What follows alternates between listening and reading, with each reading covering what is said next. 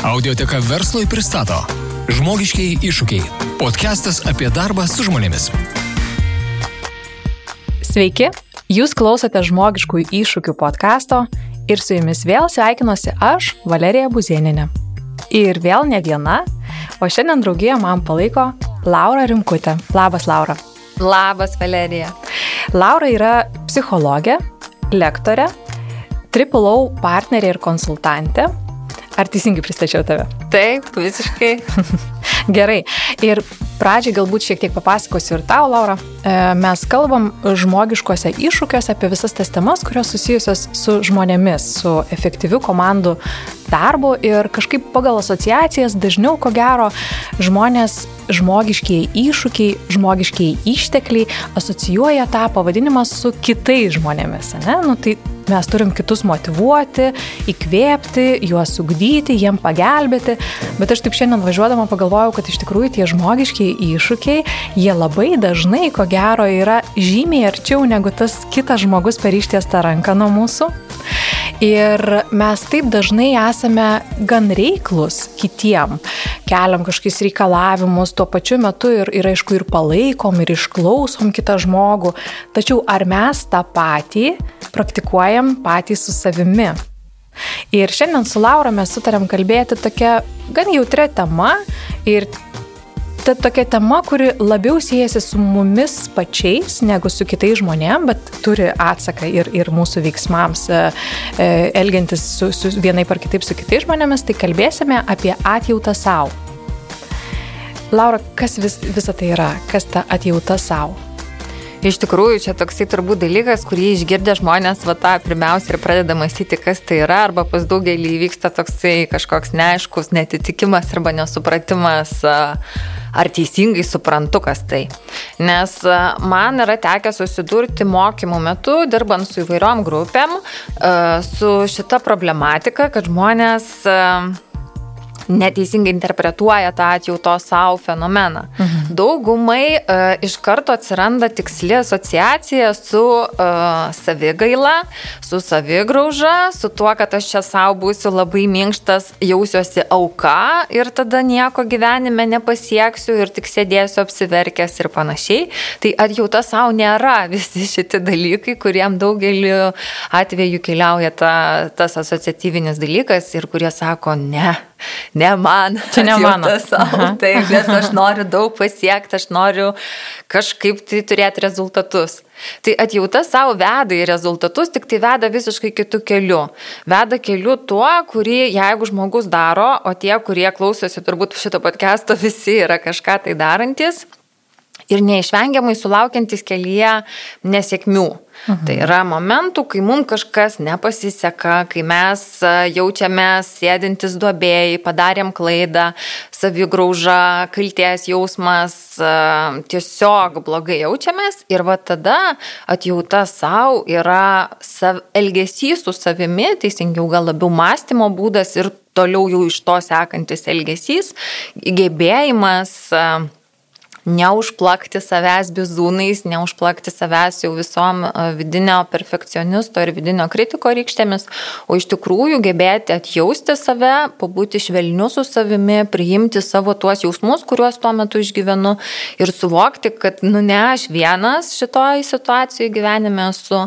Ir iš šito taško, va su to išbuvimo, neužaštrinimo, bet ir neignoravimo e, tų jausmų iškeliavimui, tai kad, o okei, okay, aš priemu tą situaciją, labai užjaučiu ir galiu pasimokyti iš jos ir toliau jau keliauti į savo tikslus pasiemęs pamokas, o ne situacijos neigimą, pabėgimą nuo jos, ką daro daug kas, e, kai būna blogas jausmas, arba bėga kažkuo tai užsimiršti, e, ignoruoja, neigia, nu ten yra įvairiausi mūsų pamėgti gynybiniai mechanizmai, kaip mes tengiamės nebūti su tuo. Mhm. Ar galėtum kažkokį pavyzdį, vat, pervesti mus per pavyzdį situacijos ir kas vyksta po to, vat, tas momentas atjautos savo? Iš tikrųjų, turbūt kiekvienas mūsų turim gyvenime momentų, čia šiaip yra dvi sritis, galima kalbėti apie asmeninį gyvenimą, galima kalbėti apie profesinį. Tiek viename, tiek kitame mes ne, nebejotinai turime nesėkmių momentų. Tai yra uh, vienas pavyzdys, gavau prastą grįžtamą į ryšį. Mhm. Turėjau tikslus, man iškeltus arba savo išsikėlęs, nepasiekiau tų tikslų, netvedžiau komandos ten, kur pažadėjau, kad atvesiu.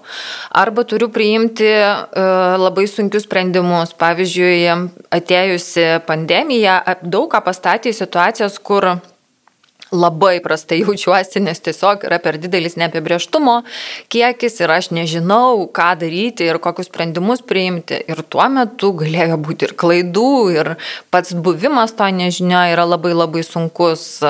Ir ypač jeigu nešu atsakomybę už save, už savo komandas, už darbuotojus ir panašiai, tuomet aš tikrai išgyvenu daug, daug sunkių dalykų. Asmeniniuose, asmeniniam kontekste, tai ta, tos situacijos tikrai gali būti uh, įvairiausios, pradedant nuo to, kad uh, kažką padariau, nuvyliau savo partnerį, man gėda, jaučiuosi kaltas. Čia ne, net nebūtinai su partneriu, su vaiku apšaukiau, va, pavyzdžiui, ką dažnai girdžiu iš mamų, uh, kai jos ateina iš ryto mokymus, kad vis rytas kažkaip netai paėjo, nesusilaikiau, apriekiau, o po to man gėda, greužiu save, jaučiuosi bloga mama.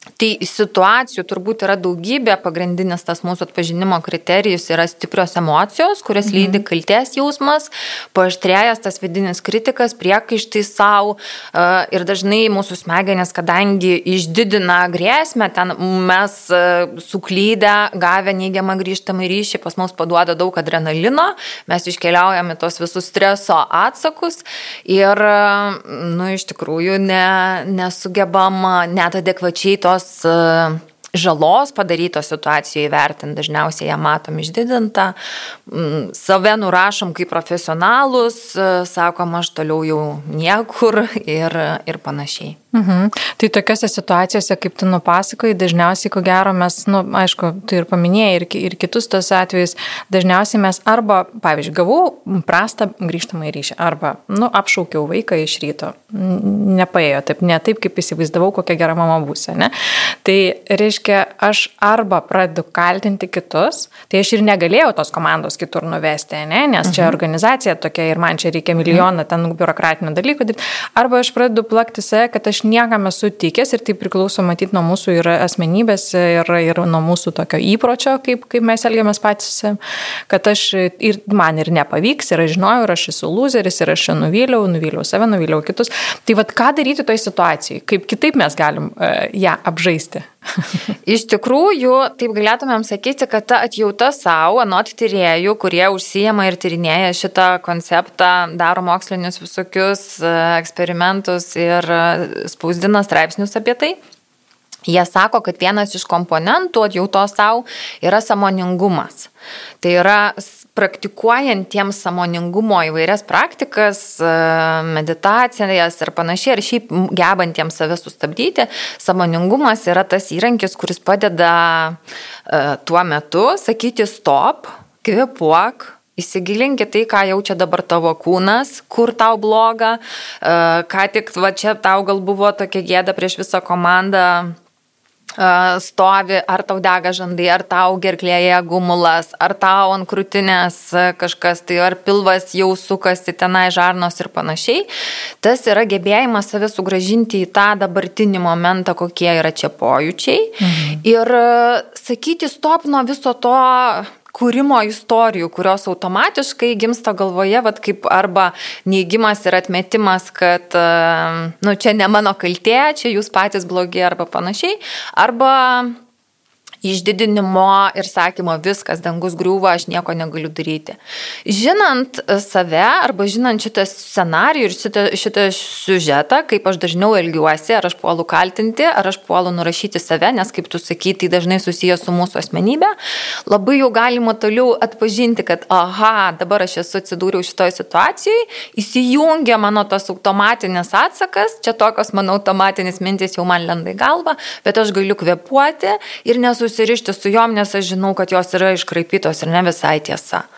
Tai vat e, vienas iš tų svarbių komponentų yra to samoningumo turėjimas tą momentą, kai tu atsiduri toj sunkioje situacijoje. Jisai padeda tau truputėlį uh, labiau grįžti į savo kūną ir išbūti ar būti su tuo, kuo esi, negu kad ten piešti tuos tolimesnius uh, scenarius ir siužetus. Mhm. Tai o kas vyksta toliau? Sustojom, atpažinom, aš ir vėl save ten juodinu, ne, arba aš ir vėl kaltinu kitus.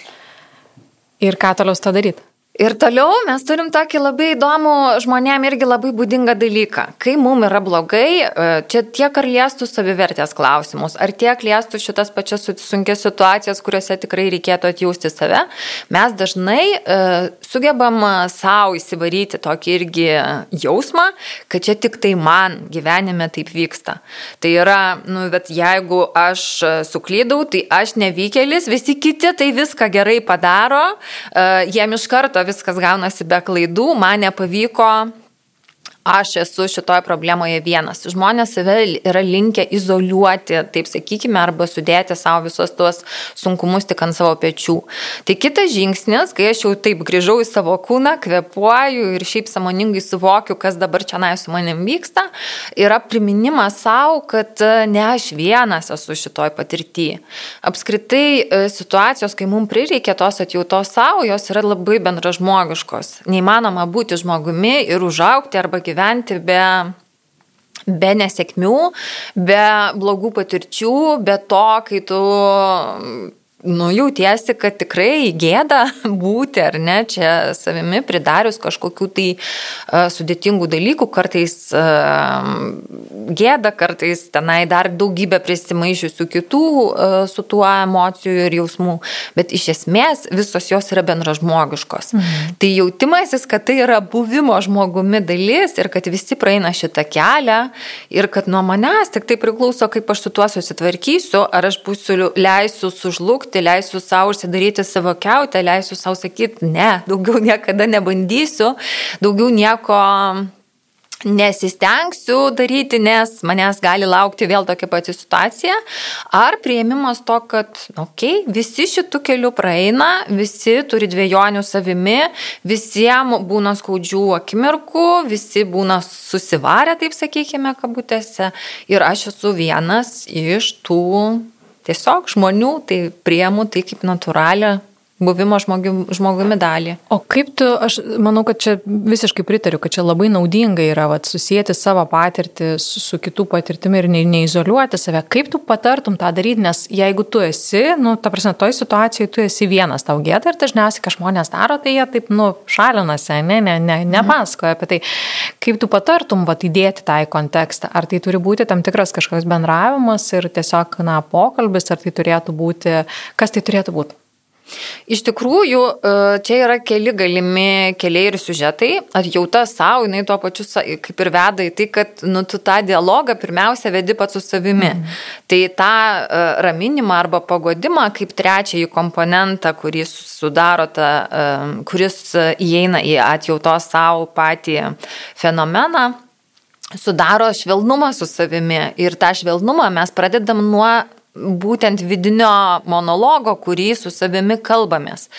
Tai čia aš galiu uh, savo priminti apie tai, kiek aš mačiau jau žmonių, uh, mm. kurie buvo panašiose būsenose, kad aš nesu vienas, uh, kad um, mano kolegos kalbėti, žmonės, su kuriais aš dirbu, yra irgi buvę tokiose situacijose.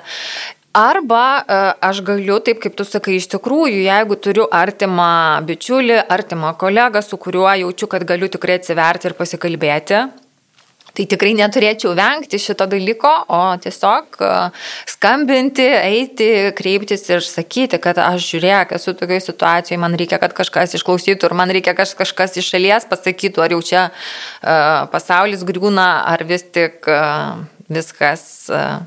Uh, kur kas mažesnė, mažesniam gabarite negu kad man atrodo. Tai mhm. Tai išsikalbėjimas veikia, taip pat kaip ir veikia kalbėjimas su savimi. Mhm. Aš kai skaičiau apie tą atjauto savo arba self-compassion, ne, tai man vienas iš dalykų labai kažkaip vat, paprastas dalykas, ko gero, užsiliko atminti, kad mes turėtumėm tokiuose situacijose kalbėti su savim taip, lyg būtumėm kalbėję su, lyg kalbėtumėm su, su geru bičiuliu, ne? nes taip ir pagalvojai, nu, jeigu kažkas atsitinka, nutinka draugui, tai ką mes darom, mes išklausom ir tada mes, nu, mes palaikom, ne? Mhm. mes sakom, kad, na, viskas tvarkoji, tu išspręsi, arba čia ir visiems tai būna, ar, nu, ta prasme, tiesiog palaikom, ne, kokie tie žodžiai bebūtų. O kai kalbam su savim, va tas vidinis monologas, apie kurį tu kalbė, tai dažnai mes labai pamirštam tą palaikymą savo ir tą tokį švelnumą, kaip tu sakai, ir labiau, labiau piešiam tuos juodus scenarius. Tai vad prisiminti su savim, kalbėti, lyg jūs būtumėt, o jūs ir esate savo pats geriausias draugas. Mhm. Aš iš tikrųjų um, prieš eidama į šitą podcastą taip uh, pasižiūrėjau, uh, kokių turiu įvairių meditacijų arba vizualizacijų tai atjautai savo stiprinti. Mhm. Kadangi mokslininkai sako, kad kai tu medituoji ir jau vien galvoji arba išgyveni tas atjautos savo situacijas, tu jau savo smegenyse pradedi kurti uh, nervinius ryšius, ten jau ten sinapsės formuojasi, smegenės mokinasi, tai kai tu atsirasi jau realioj situacijai, tau bus lengviau lengviau, nes tavo smegenim nebus tai tokia naujiena, tu jau būsi tą išgyvenęs savo meditacijų ir vizualizacijų metu. Tai vienoje iš meditacijų arba tų vizualizacijų prašoma įsivaizduoti žmogų, kurį tu labai labai myli. Mhm. Nes aš, pavyzdžiui, jeigu per asmeninę patirtį turiu draugų, bet kai jie yra suaugę, man taip atrodo, juos reikia raminti, paguosti, bet ten tu taip tokiais argumentais dar, nu, tarsi logiškiau bandai tai padaryti. Bet man, kai aš pamastau apie savo sūnų, jeigu aš galvoju apie vaiką, nu, kaip turbūt labiausiai mylimą žmogų pasaulyje, aš taip iš karto galvoju, o Dieve, taigi aš jį, tai va šitaip guošiau, taip raminčiau. Tai geriausio draugo długo Vaizdinys yra geras vaizdinys, bet jeigu jum, tarkim, turi šiltesnį santykį su vaiku, e, tai kodėl neįsivaizduoti tenai, tarkim, to vaiko, ką aš sakyčiau savo vaikui, jeigu jis va, po 20 metų būtų tokiai situacijai. Taigi sakyčiau visai kitus žodžius, negu kad dabar savo tikriausiai sakau. Ir kas man dar pačiai kartais padeda, aš suprantu, kad ne visi gal turi tokias situacijas, man kartais padeda, aš jaučiu išgyvenu šitą jausmą, kai aš dirbu individualiuose konsultacijose su klientais. Ir jie dalinasi ir tuo, kas jiems skauda. Ir tu to tą matai ir taip, taip norisi, o Dieve, galvoju, parodyti, kad tai nėra taip dramatiška ir taip baisu ir išbūti su tavimi tam jausme. Tai aš kartais savo, man padeda mano pačios e, tie klientai, žmonės, su kuriais aš dirbu, man padeda mano vaikas e, kaip vaizdinys, turiu mhm. čia aš naudoju kaip vaizdinį, ką aš kur mano resursas, kur aš sužadinu tą atjautą savo, būtent apie tada, kai aš pagalvoju apie tos žmonės. Mhm. Ar atjauta savo tai yra toks momentinis, momentinis raminimas ir išbuvimas to sunkaus momento, ar jis ir toliau tęsiasi, turiu menį, gal paaiškinsiu, tas vidinis kritikas arba perfekcionizmas, arba kaip tu beįvilktum į kokią formą ar kokį ten laipsnį tą, tą visą tokį muštravimą savęs, jis turi ir gerų pasiekmių, tarkim, ne, arba, na, va, tų šalutinio efekto. Tai, kad tu save vis stumi, tobulėti, pasiekti kažką daugiau, daryti ten geriau, ne, ir tu lik save ir nulinčiuoji, bet tu esi savo toks variklis. Ar kaip su atjauta savo, nes jeigu tu sakysi, kad tai yra žmogiška, aš suklydau, viskas tvarkoj, ar nedingsta impulsas keistis ir tobulėti tuomet? Atvirkščiai. Mhm.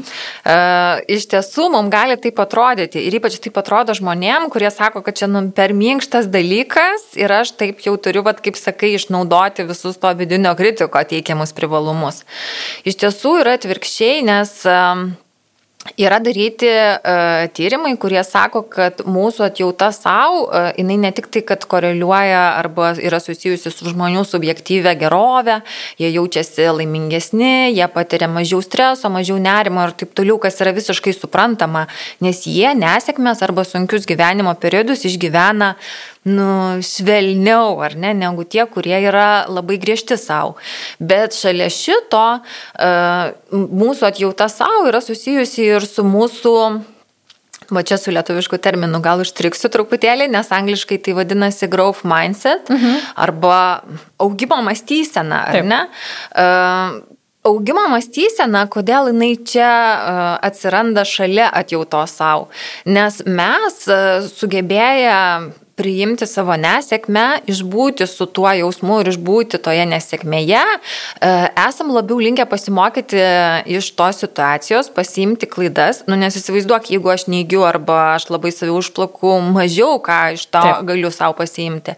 Ir va tada aš jau turiu motyvą, kad aš noriu atrasti save tame, kaip aš galiu tai padaryti geriau, kur galėtų būti mano kitoks elgesys ir žmonės, jie turėdami tą augimo mąstyseną, jie tiesiog eina irgi į augimą, tik tai eina ne tuo bizūno keliu, o motivacijos šaltinis yra šiek tiek tai kitas, kad aš surasiu būdą, kaip tada man būtų pagal mane, kad kaip aš galiu šitą dalyką padaryti geriau. Dėl to kiti tyrėjai kalba apie kitą sąsąją su mūsų tą atjautą savo, tai yra su autentiškumu, mhm. kad atjauta savo leidžia geriau ir pažinti save arba būti tuo tikruoju savimi. Ir tada geriau žmonės atsirenka, kokius darbus jiem daryti, jie geriau organizacijose atranda rolę savo jie sako, okei, okay, šitose situacijose feilinu, gal vis tik tai ne mano pašaukimas, bet vat, e, aš matau krypti, ką šiek tiek patobulinus, aš galėčiau turėti savo naują kitą vietą ir tenai klėstėti. Ir tada jie turi motivacijos, kad, aha, aš tą darysiu, tik tai ta motivacija, kaip sakau, ne, nėra su tuo griežtu vidiniu balsu, o su tokiu, kad aš pritaikysiu, kad e, mano karjera, mano rezultatai ir pasiekimai jie ateitų per malonumą, mhm. E, nes aš labiau atrasiu tai, kas tikrai yra mano. Mhm. Tai, tai, ką tu sakai, tai iš esmės mes leidžiame savo, mes esam švelnesni savo, kai padarom klaidas, o klaidų darimas ir yra tas progresas, nes jeigu mes, na, tarsi, jeigu mes ypatingai esam griežti savo ir bijom padaryti tą klaidą, tai mes ko gero kaip tik būsim komforto būseno ir nedarysim tų mhm. tokių klaidų, nerizikuosim ir taip tas progresas bus žymiai ir, na, ir, ir lėtesnis, ne tik tai, kad e, skausmingesnis, bet ir dar ir lėtesnis, nes čia mes analizuojam, bet analizuojam švelniau tas savo klaidas, jas priemam, su jomis toliau gyvenam ir dirbam. Aš galvoju, kad iš tikrųjų atjauta savo matyti labai svarbi yra tose aplinkose, verslo aplinkose, kur yra ypatingai dideli reikalavimai arba na, reiklita aplinka, mhm. ne? kai kurios organizacijos pasižymė būtent na, tokiu aukšt, aukštom kartelėm. Mhm. Tai jeigu uh, man tai sukelia stresą, kad iš manęs daug reikalauja, aš turiu būti tobulas visose srityse, tai aš galiu save nusivaryti iki perdegimo ar ten iki kitokių sunkių susirgymų netgi, ne?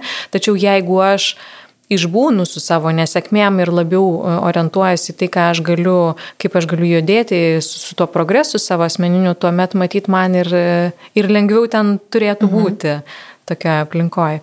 Laura, dar galvojau, aš iš tikrųjų, tad jau tas savo ir, mm, ir empatija kitam Ar turi sąsajų, e, kaip vadovui, tarkim, kokią naudą turi, ar, ar aš, būdama švelnesnis savo, e, pakeičiu savo elgesį su kitu? Visiškai. Čia na yra toksai vėlgi labai gražus paradoksas, man atrodo, krikščionybė, katalikybė labai tą gražiai sakė ir komunikuoja žinutę, ar ne, mylėk save, tik, nu, taip kaip myli artimą, su mintimi, kad jeigu nemylėsi savęs, nelabai galėsi mylėti kito, su atjauta yra lygiai tas pats. Jeigu mes visom lyderystės turinčiom ar ne pozicijom, net nebūtinai vien vadoviniam pozicijom, bet bet kur, kur mes žiūrime ir uždedam žmogui lyderio kažkokius antpečius, žiūrim į jį ir mes sakom, nu tu turi savo komandą būti su žmonėmis labai taip, vieni sako empatiškas, bet ir kiti dar sako pastumėti juos link veiksmų, padėti jiems iš, iš įveikti sunkumus, būti tuo įsiklausančiu. Ir tada, kai dirbi su vadovais, jie tavęs klausia, o man, o mane, kas, taip. kas man visą tai ja. padarys. Tas labai dažnai skamba. Mhm. Ir va tada ir yra atsakymas, tai žiūrėk, tu esi tas, kuris gali tai padaryti savo. Tai, kad tu nori duoti komandai, tu pirmiausia turi padaryti savo. Nes kitaip, nu, tai ir komandos atžvilgių bus netikra. Tai reiškia, kad tu negali iš tikrųjų atjausti netgi ir to geriausio draugo arba savo pavaldinio, jeigu tu save viduje plaki ir tu galvoji, nu jau šitoje situacijoje tai šakės. Ir čia mes dažnai net nesuvokiam šito, kad jeigu aš E, noriu kažkokį daryti, padėti, padaryti pokytį kitiem, tai visų pirma, pirmiausia, tą žingsnelį turi būti padaręs aš pats. Ir iš tikrųjų, man atrodo, organizacijose, komandose žmonės tai labai, labai, labai jaučia. Iš to, koks vadovo elgesys su savimi, jisai savotiškai užduoda ir tam tikrą kultūrą aplink save. Nes e, mokinasi tie darbuotojai pavyzdžių, mokinasi vadovas užkrečia Ir kadangi e, emocijos komandoje yra taip lengvai perdodamos, tai va ta atjauta savo, e, tos atjautos, toks nuoširdus gilus išgyvenimas, jis tai yra užkrečiamas kaip ir uh, aukštai užkertos kartelės, stiprus vidinis kritikas ir gebėjimas užsiplakti ir priekaištais jau ten nulinčiuoti save iki, iki negalėjimo. Mhm. Kitaip tariant, jeigu jūs dirbsit su savim ir uh, na, atjausit save, jūs atpažinsit tas pačias situacijas, kai kažkas prastai jaučiasi ir jam reikia šiuo metu palaikymo. Mhm. Ir aš vat, šiek tiek labai surezonavo, labai dažnai girdisi tas, kad na, viršuje yra labai vieniša, ne? Ir kad aš, aš va tiek duodu ir čia yra natūralu, manau, kad mes visi kaip žmonės turime turėti tam tikrą balansą tos svarstyklės, ne? Kiek aš duodu, ar atjautos, ar, ar šilumos, ar motivacijos, energijos, bet ko rūpešio ir kiek aš gaunu. Ir yra tam tikrų profesijų, man teko skaityti na, apie įvairius ten straipsnius, kad ypatingai, pavyzdžiui, tie, kurie ten slaugoja dirba, ne, kad pas juos labai tas balansas mhm. būna pažeidžiamas ir tai veda į psichologinės problemas įvairias, nes aš labai daug duodu, o ar tikrai aš tiek atgaunu. Ir, ir vadovai, man atrodo, pakankamai dažnai irgi kalba apie tai, kad, vat, kaip, kaip tu sakai, o, o, o manim kas pasirūpins.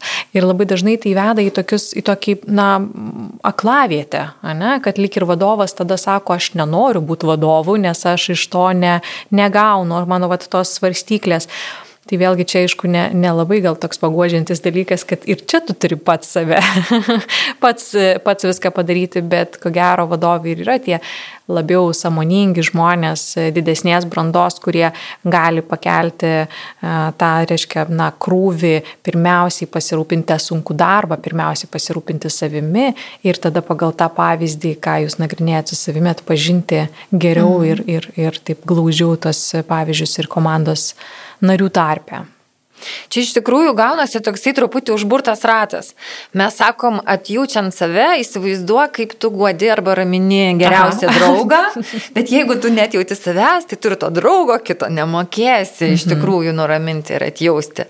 Tai va čia, nu, toksai paradoksas, ar ne, kad vis tik tie dalykai yra susiję, nes netgi tai atjautai savo, vis tik tu pradedi nuo tos vizualizacijos, ką aš sakyčiau kitam kitam žmogui šitoje vietoje. Mhm.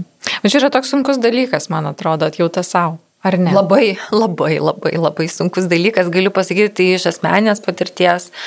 Tai yra, man atrodo, vienas tokių didesnių iššūkių, todėl kad jisai susijęs su išbuvimu sunkiose emocijose, prieimimu to ir sugebėjimu ne, nesmerkti savęs. Aš tikrai atsimenu, ne kartą esu buvusi savo karjeroje, situacijose, kai aš ryte guliu lovoje, yra toks blogas jausmas, nenoriu keltis ir eiti daryti dalykų, nes tiesiog sulaukiu daug kritikos. Uh, Man tai mano atveju buvo mano tokia skaudus šuolis į apskritai internetą ir atvirus seminarus ir atvirą erdvę, kai tave tenai internete kritikuoja, po skelbimais komentuoja, ar tu su tokiom atliepusiom ausim taip ir eisi vest mokymų ir panašiai. Ir tada aš e, atsikeliu ryte, žinau, kad vakarė seminaras ir galvoju, kokį kitą darbą aš galėčiau daryti, kad tik nereikėtų man šito eiti, nes tai yra taip baisu ir taip sunku.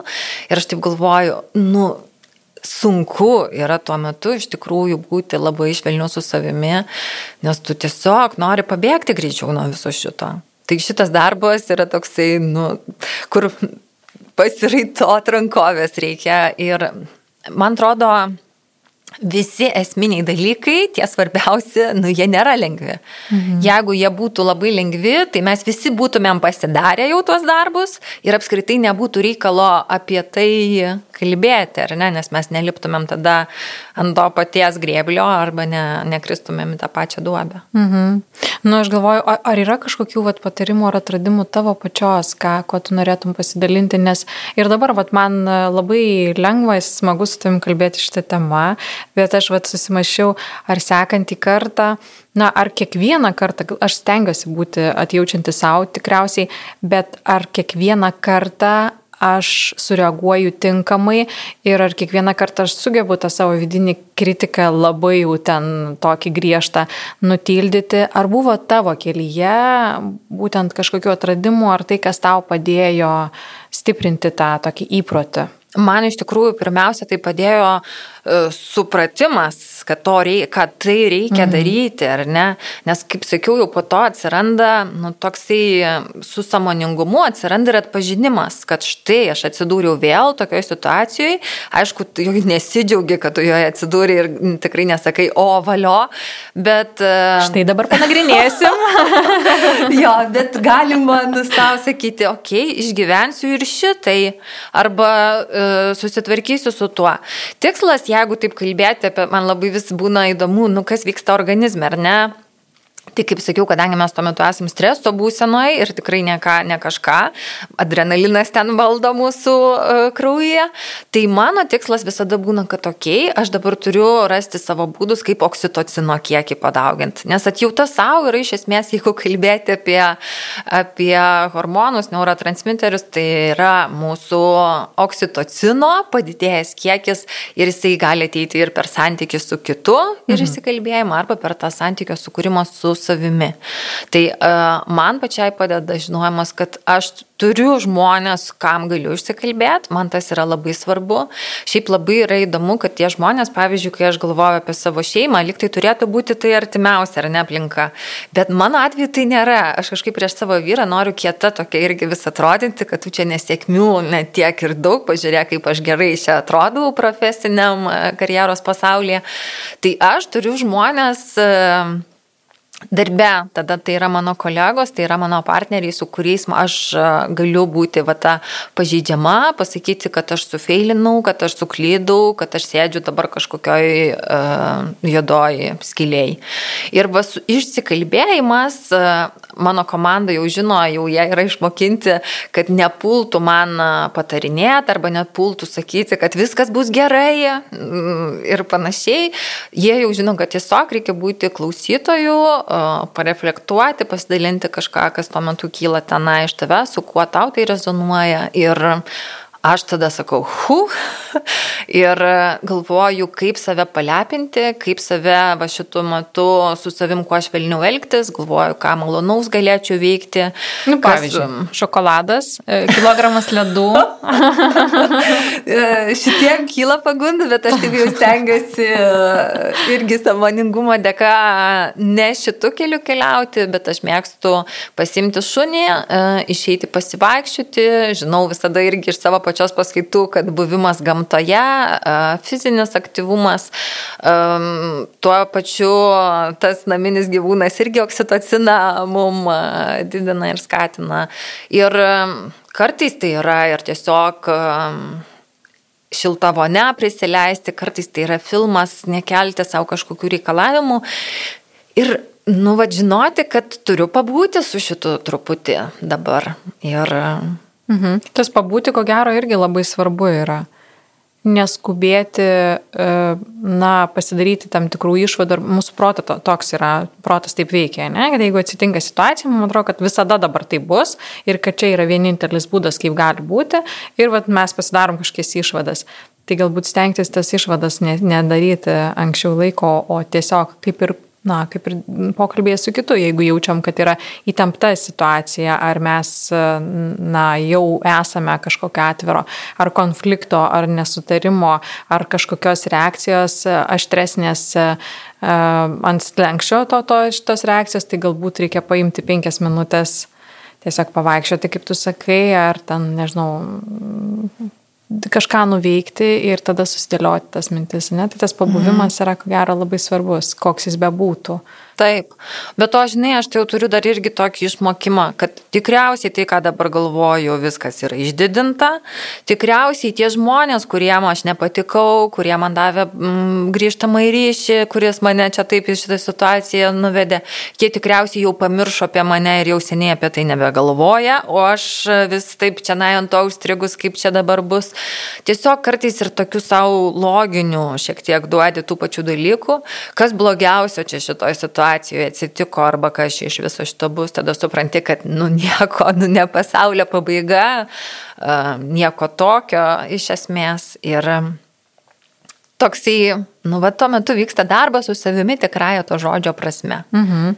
Darbas su savimi, ar čia kažkas gali padėti, nu, va, aš galvoju, jeigu įdėti, mes kalbėjom šiek tiek apie verslo kontekstą, ne?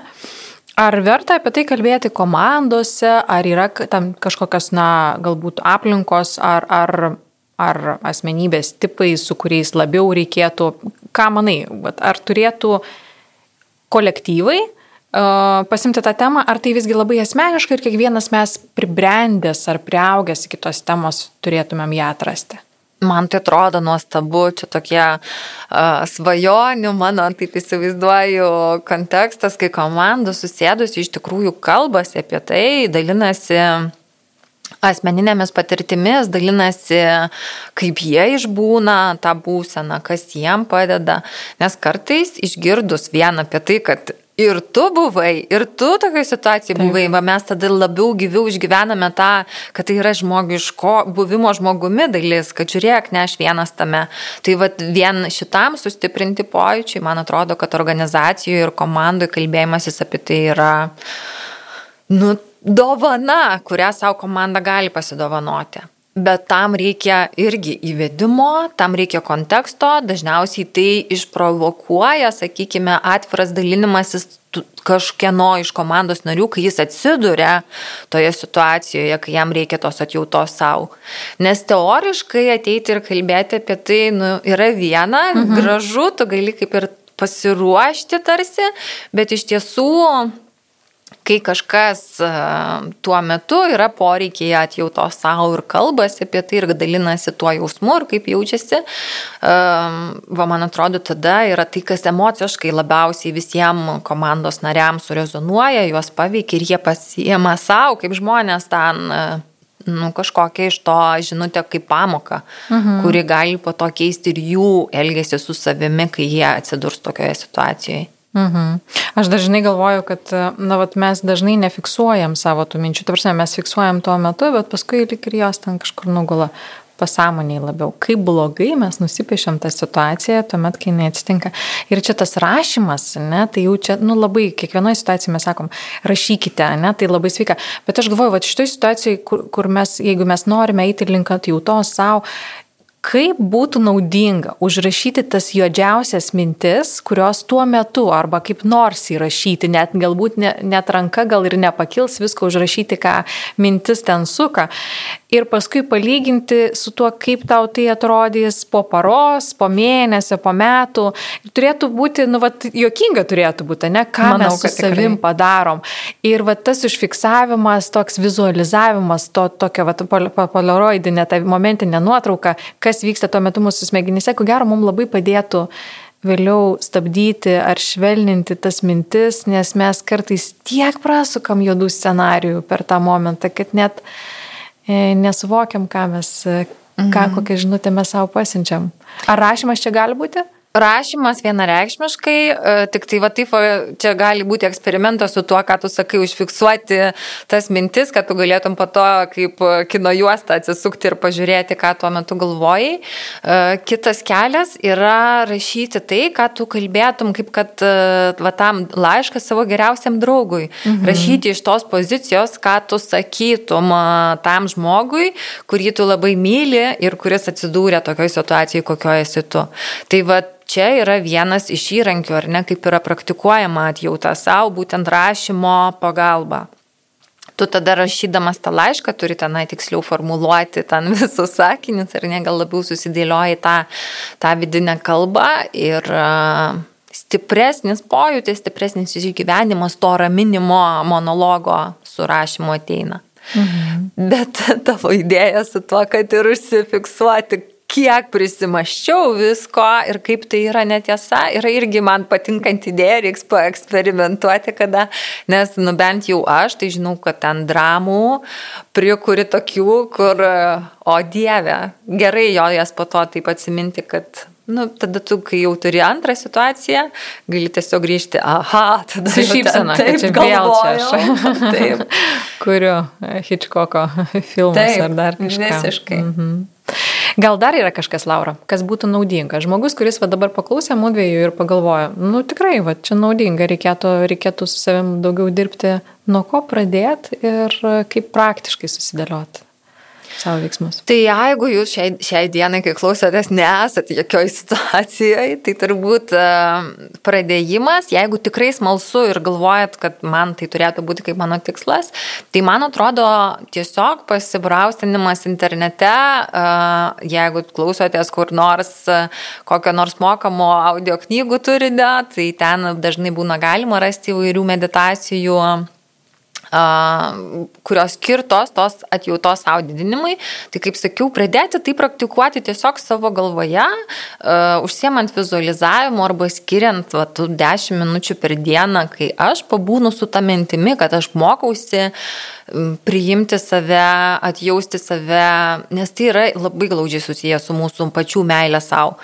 Bet žinant šio laikinių verslininkų užimtumą ir šiaip visų tą kiekį, ką aš turiu nuveikti, veikti, e, žmonėm būna dažnai, e, nu, bet jie nedaro tol, kol neskauda. Taip yra, kad, aha, girdėjau, žinau, kad reikia daryti, bet e, neturiu tam laiko.